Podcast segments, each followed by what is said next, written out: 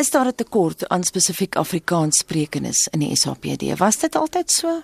Anita, nee, weet jy die afgelope paar jaar veral het ons werklik 'n nypende tekort aan ons minderheidsgroepe, ons wit, ons bruin applikante en natuurlik ook vrouens. En dan wil ek bysê ook dat dit gaan nie net oor Afrikaans sprekend nie. Dit gaan ook oor as daar kandidaate buite is wat Engels sprekend is en jy behoort aan hierdie minderheidsgroepe, jy is net so welkom om aansoek te doen.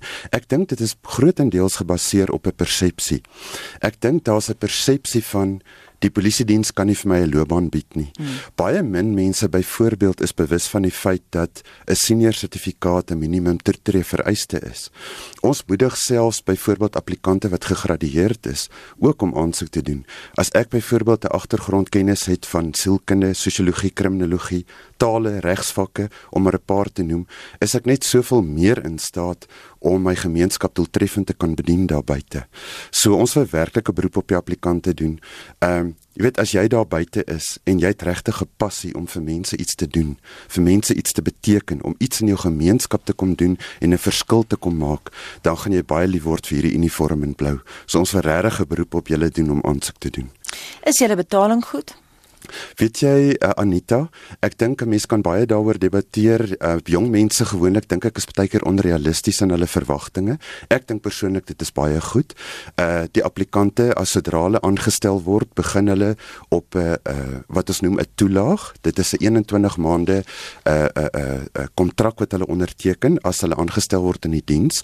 Maar daai daai toelaag wat hulle kry is net vir daai eerste paar maande van die opleiding.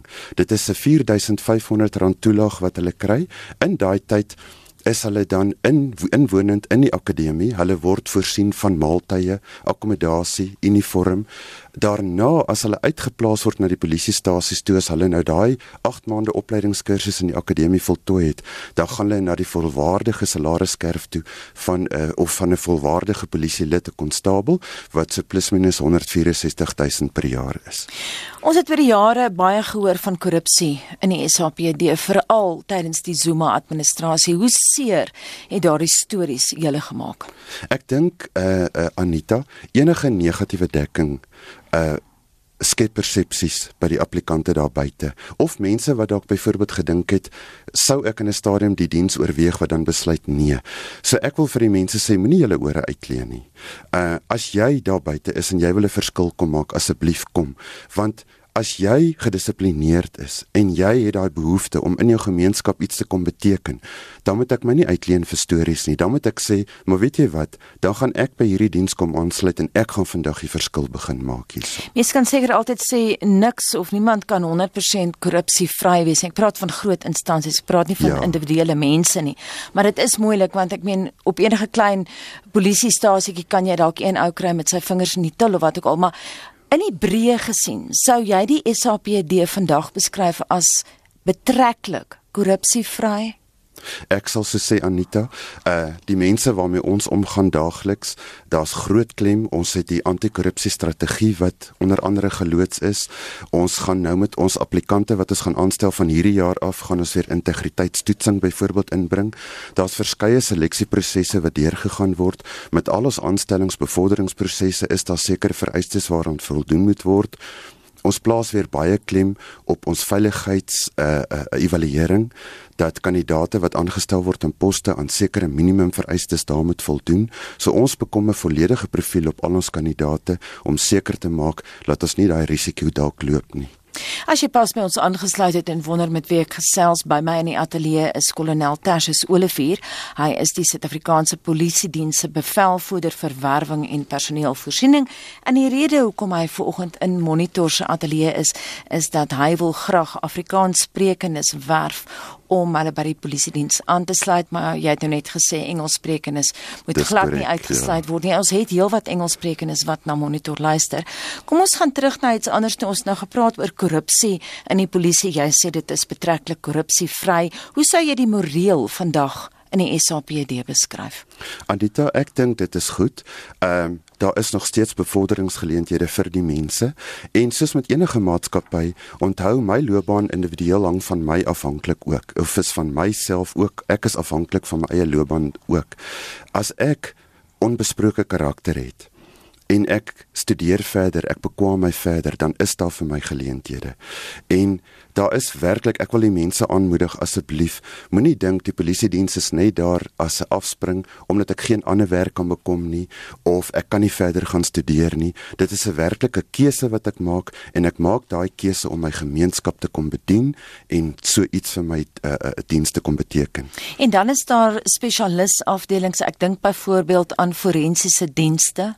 Ja So jy het daai soort van kundigheid nodig. Jy het net nou gepraat van mense met regsgrade. Ja, ons werf 'n jaarliks Anita, 'n uh, forensiese deskundiges. Ons gaan hierdie jaar weer om en by moontlik 200 kandidate werf ook.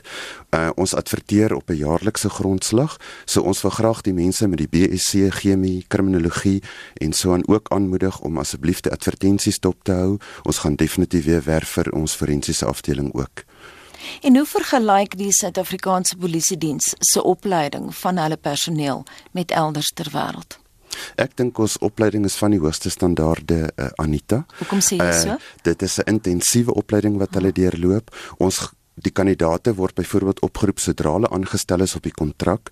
Dis hoekom hulle ook eers op 'n kontrak aangestel word sodat ons kan seker maak hierdie kandidaat gaan vir ons regtig iets na die diens toe bring.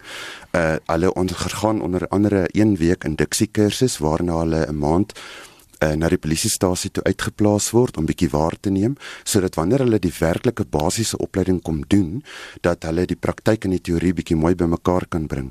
Dan het hulle 8 maande intensiewe opleiding in die polisieakademie waarna hulle dan volwaardig aangestel word as polisiekonstabels en dan vir 'n 12 maande proeftydperk ook dien Enige spesifieke boodskap vir luisteraars wat ver oggend dalk oorweeg om na jou toe te kom en sê ek wil nou 'n polisielid word? Ek wil hulle regtig aanmoedig Anita. Die polisie diens is eintlik 'n klomp beroepe in een. Uh die polisie diens Ons het byvoorbeeld maatskaplike werkers, ons het kapelane, ons het musisi, ons het ambagslei, ons het regslei, ons het die forensiese deskundiges. Daar's soveel moontlikhede. As ek vandag oor 'n senior sertifikaat beskik en ek sluit by die polisie diens aan, het ek altyd later die moontlikhede om byvoorbeeld aansoek te doen vir die meer gespesialiseerde eenhede, soos ons speurdiens, ons teenreaksie eenhede soos ons TRT, ons K9, ons honde eenhede. So daar is regtig baie moontlikhede vir die mense. En op 'n praktiese vlak, hoe en waar kan jy jong mense aansoek doen. Hulle is welkom by enige polisiestasie naaste aan hulle woning. Hulle kan ook die SAPD webwerf besoek. Uh die aansoekvorms is daar ook beskikbaar en baie belangrik Anita, die sluitingsdatum is nou Vrydag die 15de. So asseblief, ek wil 'n beroep op julle doen, gaan doen vandag julle aansoek, gaan gaan voltooi vandag die vormpies by die polisiestasie. Vat net saam 'n kopie van jou ID, jou kwalifikasies as ook jou bewys van verblyf en uh, hulle sal jou daar verder bystand verleen. Vinnige laaste vraag, hoe groot is julle personeeltekort? Ons personeeltekort spesifiek op die minderheidsgroepe Anita, die afgelope paar jaar het ons as ons gelukkig was kon ons 'n 1% werf. Ons sal graag realisties gesproke darm wil sien hierdie jaar dat ons 'n 10% bereik.